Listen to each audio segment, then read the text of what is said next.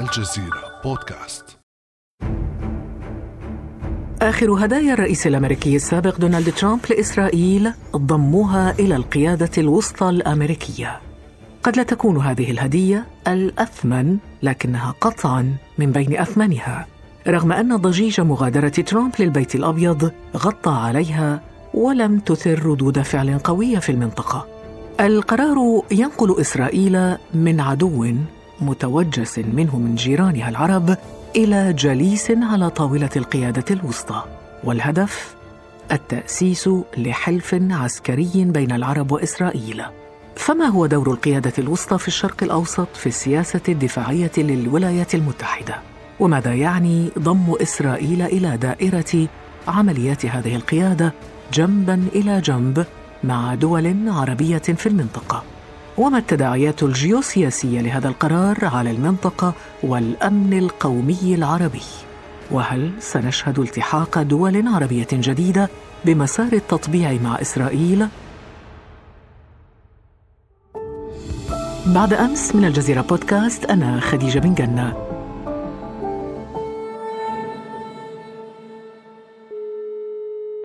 وأسعد كثيرا اليوم بانضمام الدكتور عبد النور بن عنتر الأستاذ المحاضر بجامعة باريس الثامنة بفرنسا. أهلا وسهلا بك صباح الخير دكتور. صباح النور. دكتور عبد النور بن عنتر قبل أن نبدأ حوارنا عن دور القيادة الوسطى في الشرق الأوسط دورها في السياسة الدفاعية للولايات المتحدة في المنطقة. دعنا أولا نتابع هذا التصريح لكينيت ماكنزي قائد القيادة الوسطى الأمريكية. We are in Iraq to support the people of Iraq. نحن في العراق من أجل دعم البلاد ومساعدتها في حربها ضد تنظيم الدولة. ولكن نحتفظ بحق الدفاع عن قواتنا في حال تعرضها للهجوم أو التهديد. وأحذر إيران وأتباعها من مغبة الهجوم على قواتنا أو حلفائنا. والقيادة الوسطى جاهزة للدفاع عن هذه القوات في مختلف أرجاء المنطقة والرد على أي اعتداءات أخرى. بعد أن استمعنا أستاذ عبد النور بن عنتر لتصريح كينيت ماكنزي وهو قائد القيادة الوسطى الأمريكية يتحدث عن أدوار القيادة الوسطى في المنطقة نتساءل عن هذه الأدوار ما أهميتها وما هي الأدوار التي تطلع بها فعليا القيادة الوسطى الأمريكية في المنطقة؟ حسنا الدور الأساسي هو هيكلة الوجود الأمريكي في المنطقة حتى لا يكون مشتتا على شكل جزر عسكرية من خلال قواعد عسكرية هنا وهناك. رغم أن هذه القيادة المركزية لها قيادة متقدمة موجودة في الشرق الأوسط لكن القيادة الأساسية موجودة في كاليفورنيا وبالتالي إعطاء هذه القيادة المتقدمة في المنطقة لتكون لها نوع من الاستقلالية في لم شمل مختلف فواعل الإقليمية حلفاء الولايات المتحدة حتى تكون أرضية عسكرية مشتركة في هذه المنطقة. ثم منطقة الشرق الأوسط لا تزال حيوية واستراتيجية بالنسبة للولايات المتحدة ولو عدنا إلى الوراء لا شاهدنا مثلا منذ نهاية الحرب الباردة من بين كل كل القيادات العسكرية الأمريكية المنتشرة في العالم تعد القيادة المركزية في الشرق الأوسط هي الأكثر احترابا على الإطلاق لأنها شاركت في حرب الخليج الأولى عام 91 لتحرير الكويت حرب أفغانستان الغزو الأمريكي للعراق عام 2003 اليوم الوضع الإقليمي مشتعل والقيادة الوسطى الأمريكية تلعب دور أيضا في ردع إيران ودعم ربما الحل التفاوضي للصراع في أفغانستان والذي نشهد حاليا مفاوضات تجري بين الحكومة وطالبان. ربما أيضا القيادة الوسطى تلعب أدوارا في هذا المجال.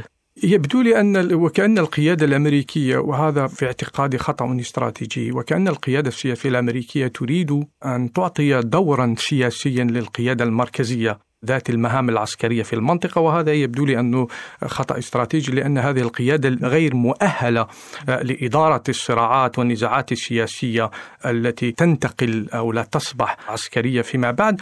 وربما الربط بين هذه الحالات الثلاث لا سيما العراق أفغانستان وإيران هي أن القيادة المركزية أمام آه، معضلة أساسية. هي حتى تكون حرة تماما في حركاتها في مواجهة إيران عليها أن تحد من حدة التوتر في العراق وأن تتخلص من بؤرة التوتر من المستنقع الأفغاني. لأنه ما أعتقد أنه سياسيا وعسكريا ليس بإمكان الولايات المتحدة أن تفتح في المنطقة جبهة ثالثة في إيران. تكون ربما أكثر حدة سياسيا وعسكريا من الجبهة العراقية والجبهة الأفغانية. نعم وربما المراهنة على الحوار مع الطالبان هو للحد من توتر على المستوى الأفغاني للتفرغ لإيران. لكن هل يمكن أن نقول أن دورها عسكري بحت أم عسكري وسياسي أيضا؟ أصبح سياسي لأن الإدارة الأمريكية في عهد ترامب أرادت أن تعطيها دورا سياسيا هذا من جهة. من جهة ثانية السياسي أقحم نفسه لأن الصراع في أفغانستان تسويته سياسية ويستحيل أن تكون عسكرية لأن الولايات المتحدة والحلف الأطلسي جرب المعالجة العسكرية وباءت بالفشل. لكن أستاذ عبد النور متى أنشئت هذه القيادة؟ هي في الواقع أنشئت عام 1983 بقرار من إدارة ريغان لكن أصلها يعود إلى الوراء إلى سنوات. يعني الفكرة تعود إلى عام 77 لما قررت إدارة كارتر إنشاء قوة للتدخل في منطقة الشرق الأوسط وتم إنشاء هذه القوة في أكتوبر عام 1979 باسم قوة الانتشار وقوة التدخل السريع في المنطقة. وهذا القرار جاء في سنة استراتيجية بالنسبة للولايات المتحدة لأنه يتوسط الثورة الإيرانية في فبراير 79 والغزو السوفيتي لأفغانستان عام 79 وهنا نلاحظ هذه الاستمرارية استمرارية العامل الإيراني كمحدد أساسي للوجود العسكري هل الأمريكي. العامل الإيراني هو المبرر لضم إسرائيل؟ هنا ندخل في صلب موضوع هذه الحلقة وهو لماذا جاء قرار دونالد ترامب بإعادة هيكلة القيادة الوسطى الأمريكية في آخر لحظة قبل رحيله وضم إسرائيل إليها والله المسائل متشابكة بعض الشيء ربما هناك مبالغة في قراءة الدور الإيراني والتأثير الإيراني على ضم إسرائيل للقيادة المركزية.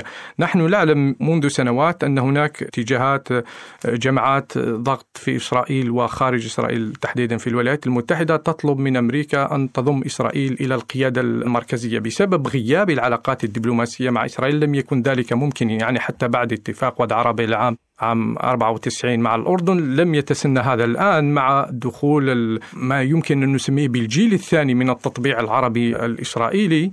اعتقدت الولايات المتحدة أنه الوقت المناسب لكن بالنسبة لإسرائيل المسألة في غاية من التعقيد وبالتالي لذا لما نراجع ما كتب مثلا على موقع البنتاغون هناك جملة مهمة جدا تقول هذه الجملة أنه قررت الإدارة الأمريكية ضم إسرائيل للقيادة المركزية ولكن تبقي على التعاون بين إسرائيل والدول الأوروبية هذا ماذا يعني؟ والدول الأوروبية؟ الدول الأوروبية هذا ماذا يعني؟ يعني أنه من المنظور الاستراتيجي الأهم بالنسبة للولايات المتحدة وإسرائيل هو تعاون إسرائيل مع الولايات المتحدة ودول حلف الشمال الأطلسي والدول الأوروبية في إطار القيادة الأمريكية في أوروبا لأنها وكأنه المرء يلعب في رابطة أبطال أوروبا العسكرية بينما في الشرق الأوسط يعني المسائل ستكون محدودة يعني حتى من حيث المناورات. ما هو الجيش الذي بإمكانه أن يجاري الجيش الإسرائيلي ويقوم بمناورات تكتيكية؟ إذا من حيث التعلم من حيث التدريب ما يهم الجيش الإسرائيلي هو أن يتعامل مع جيوش حلف الشمال الأطلسي في إطار القيادة الأوروبية. أحسن. الآن المغزى السياسي لذا أعتقد أن المغزى السياسي أهم من المغزى العسكري. المغزى السياسي هو الدعم تصبح مسألة التطبيع وكأنها هدف ووسيلة. ربما هذا دكتور عبد النور يعني يبرر الصمت العربي. ليس هناك أي مواقف رسمية عربية صدرت بعد ضم القيادة الوسطى الأمريكية لإسرائيل إليها. وعلى خلاف الدول العربية المعنية بالقيادة الوسطى التي كما قلنا لم تصدر عنها مواقف رسمية بالعكس احتفى وزير الدفاع الإسرائيلي بيني جانس بضم بلاده إلى هذه القيادة كتب في تغريدة على تويتر قال إن القرار سيعزز التعاون بين الجيش الإسرائيلي والجيش الأمريكي في مواجهة التحديات الإقليمية جنبا إلى جنب مع صداقات إضافية ومصالح مشتركة. صداقات إضافية واضح أنه يشير إلى التطبيع نعم. مع عدد من الدول العربية هل سهل التطبيع مسألة ضم إسرائيل للقيادة الوسطى الأمريكية؟ بالضرورة بالضرورة إذا اعتبرنا أن الوجود قوات إسرائيلية في مناورات في تدريبات في إطار أو في حتى في عمليات أو نشاطات عسكرية سياسية تحت إمرة القيادة العسكرية كان سيطرح مشاكل سياسية لهذه القيادة وإن كانت هي تهتم أيضا بالشق السياسي ولكن يصعب وجود القبول بوجود هؤلاء في دول لا تقر بالتطبيع. طبعا هناك يعني نجد ضباط عرب وإسرائيليين من دول غير مطبعة مع إسرائيل نجدهم في بعض الندوات في منظمة حلف الشمال الأطلسي مثلا. لكن في الأراضي العربية هذا لم يكن موجودا. إذا الجديد يكمن إمكانية وجود ممثلين ضباط عن الجيش الإسرائيلي في ندوات في تمارين عسكرية في المنطقة العربية في إطار يعني قلت قانوني بما أن هذه الدول تربط بينها علاقات دبلوماسية. إذا بالنسبة لإسرائيل هذا يعد اختراقا سياسيا وعسكريا وستستفيد بالضرورة من مجالها طيب كيف ستستفيد؟ آه، قواتها قد ستكون كما قلت أقرب أقرب من الخليج من الأراضي الإيرانية من المياه الإقليمية الإيرانية بحكم وجودها في آه، أو مشاركتها في بعض التمرينات العسكرية في الدول المطبعة نعم ولكن هذا يعزز بالتأكيد تفوق إسرائيل العسكري في المنطقة وربما يجعلها تلعب دورا أكبر في تنفيذ السياسة الأمريكية بالمنطقة أليس كذلك؟ هذا صحيح جزئيا لأن هي تنفذ السياسة الأمريكية وأمريكا تنفذ السياسة الإسرائيلية. يعني نعم الود متبادل يعني. هناك استثمار متبادل للطرفين. يعني من وجهة النظر الأمريكية هي محاولة تقوية شبكة التحالفات في المنطقة التحالفات السياسية والعسكرية. النقطة الثانية نقطة الاستفادة وأعتقد أنها هي الأساسية بحكم قوة الجيش الإسرائيلي فهذا سيخفف في إطار مناورات متعددة الأطراف مثلا في إطار مراقبة جوية. يخفف على أمريكا؟ نعم يخفف على الجيش الأمريكي من هذا العبء لأن كل جيوش المنطقة ضعيفة رغم أنها تمتلك أحدث الأسلحة ولكن تبقى ضعيفة من حيث مثل عملية الاستخبارات لأن الولايات المتحدة لا تثق في أحد. إذا كانت الولايات المتحدة بخيلة تماما في تقاسم المعلومات الاستخباراتية مع حلفائها الأوروبيين فما بالك بتقاسمها مع الدول العربية؟ لكن هناك التقارب الاستراتيجي قوي جدا مع إسرائيل وبالتالي بإمكانها أن تتقاسم مع المعلومات. ومن جهة ثانية فإسرائيل تستفيد من هذه الشرعنة الإقليمية والعسكرية حتى تتقرب من بعض الأهداف حتى وإن كنت في نهاية المطاف النتيجة ستكون نفسية ردعية أكثر مما مما ولكن هي الا يؤثر دكتور عبد النور بن عنتر هذا الأمر على الاستراتيجية العسكرية الأمريكية في المنطقة خصوصا إنه شهدنا في المرحلة الأخيرة. تباين في المواقف بين إسرائيل وأمريكا والولايات المتحدة فيما يتعلق بإيران عندما خرج رئيس أركان الجيش الإسرائيلي يتحدث عن خطط إسرائيلية جاهزة لمهاجمة إيران فيما تركز إدارة بايدن على الخط التفاوضي أو الخيار التفاوضي والعودة إلى الاتفاق النووي. هل يمكن أن نقول أن هناك انسجاما استراتيجيا تاما بين إسرائيل والولايات المتحدة الأمريكية؟ من المنظور الأمريكي قد يكون عملية دمج يبدو من الوهلة الأولى هذا الأمر غير منطقي ولكن لنفترض ذلك. يمكن أن يكون من المنظور الأمريكي دمج إسرائيل في القيادة المركزية هي محاولة كبح الجماح العسكري لإسرائيل ومحاولة الحد من مخاطر قيامها بعمل عسكري منفرد ضد إيران. حسنا سندخلكم في القيادة المركزية ولكن يجب أن نكون على اطلاع تام ودقيق بكل مخططاتكم إذا وسيلة للاحتواء. العسكرية. نعم وسيلة للاحتواء. ربما هذا السلوك العدواني لإسرائيل حيال إيران هي تحاول أن تحد من هذه العدوانية وتحتويه. من الجانب الإسرائيلي هو محاولة كما قلت الاستفادة من القيادة المركزية لتعميق التطبيع مع الدول طب تعميق. التطبيع خلينا نعم. إذا نستعير هذه الجملة. التطبيع السياسي وقد أصبح واقعا نعم. هل يمكن أن نسمي ما يجري أيضا تطبيعا عسكريا بعد التطبيع السياسي نعم تطبيع عسكري ما دامت هذه الدول ما دامت إسرائيل أدمجت إلى القيادة المركزية من الصعب على الدول المطبعة مع إسرائيل مستقبلا أن ترفض وجود ضباط إسرائيليين في ندوات أو آه، تدريبات عسكرية في المنطقة متعددة الأطراف، ولكن ربما الأهم أكثر من هذا، الأهم هو أن دمج إسرائيل على أساس التطبيع. قد يكون رسالة سياسية وهو آه، بالضرورة رسالة سياسية للدول الأخرى التي تفكر في التطبيع أو لا تفكر في التطبيع. بأن التطبيع مع إسرائيل سيفيدكم ستتحصلون على كذا وكذا وكذا. نقطة الضعف الأساسية في كل هذه الهندسة السياسية والأمنية والعسكرية للقيادة المركزية أنه في نهاية المطاف كل شيء يصبح مرهونا بسير التطبيع عملية التطبيع مستقبلا. وهذه الهندسة طبعا قادها الرئيس الأمريكي السابق دونالد ترامب. لنستمع ثم نعود إلى النقاش. The Middle East, the whole Middle East equation. If you look at what's happened, if you've looked at the حينما ننظر في معادلة الشرق الأوسط بأكمله وما حدث هناك والقرارات الغبية التي اتخذناها بما في ذلك الاتفاق مع إيران. لو لم أنسحب من ذلك الاتفاق فما كنا سنتوصل للاتفاقات الحالية. وعدد من الدول تريد الانضمام إليها. وقد أجريت اتصالين مع بلدين يريدان معرفة موعد الانضمام.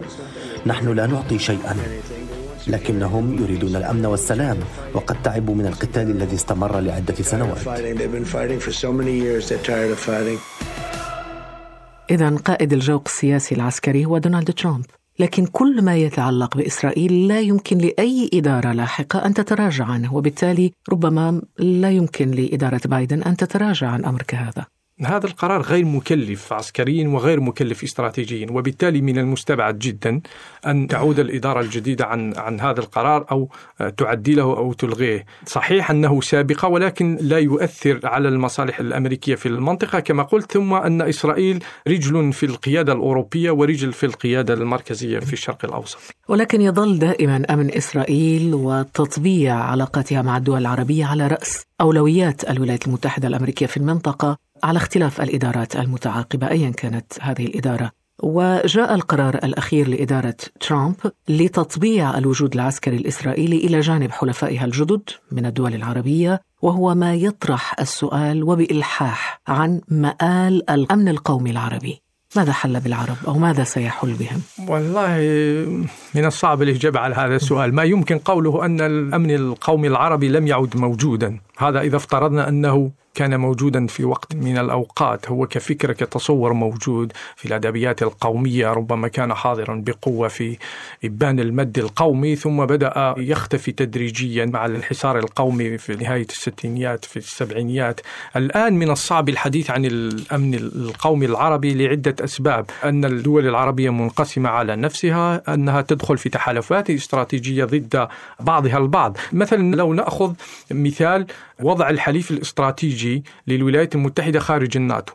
هذا الوضع منحته الولايات المتحدة على ما أعتقد إلى 16 دولة في العالم منها أربع أربعة أو خمس دول عربية منها الكويت والأردن ومصر. مصر كانت أول بلد والمغرب وأخيرا تونس عام 2015 لو نظرنا إلى هذا الوضع هذا يعني أن هذا ذلك البلد أصبح بمثابة حليف للولايات المتحدة ولكن أقل درجة من أعضاء الحلف الأطلسي. كل العلاقات علاقات الولايات المتحدة مع الدول العربية وكأنها تقوم على حماية البلد العربي من شقيقه العربي الآخر إذا حتى فكرة الأمن الإقليمي قبل أن نتحدث عن فكرة الأمن القومي العربي حتى فكرة الأمن الإقليمي غير موجودة ولكن هو أصلا ليس هناك حلف عسكري م. عربي لا غير موجود سياسيا لا. الجامعة العربية تعتبر كيان ميت فليس هناك ما يمكن تسميته فعليا بالأمن القومي العربي غير في الواقع غير موجود نعم.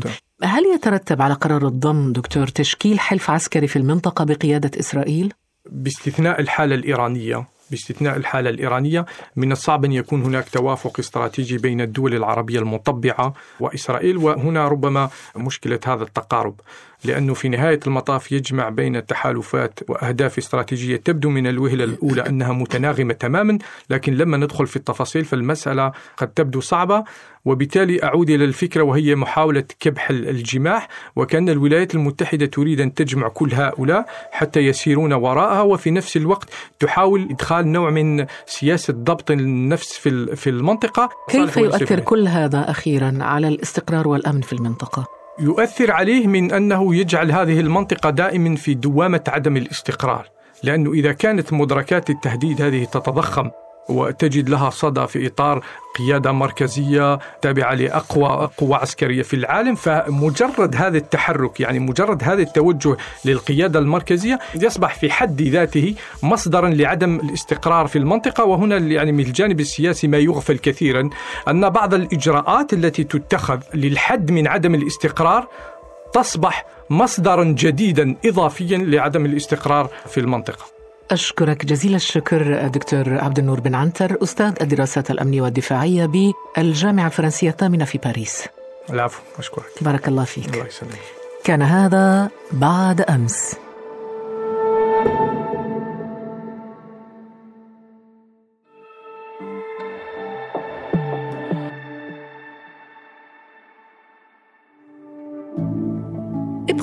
ابقى على تواصل مستمر مع الجزيرة بودكاست ولا تنسى تفعيل زر الاشتراك الموجود في تطبيقك لتصلك الحلقات يومياً.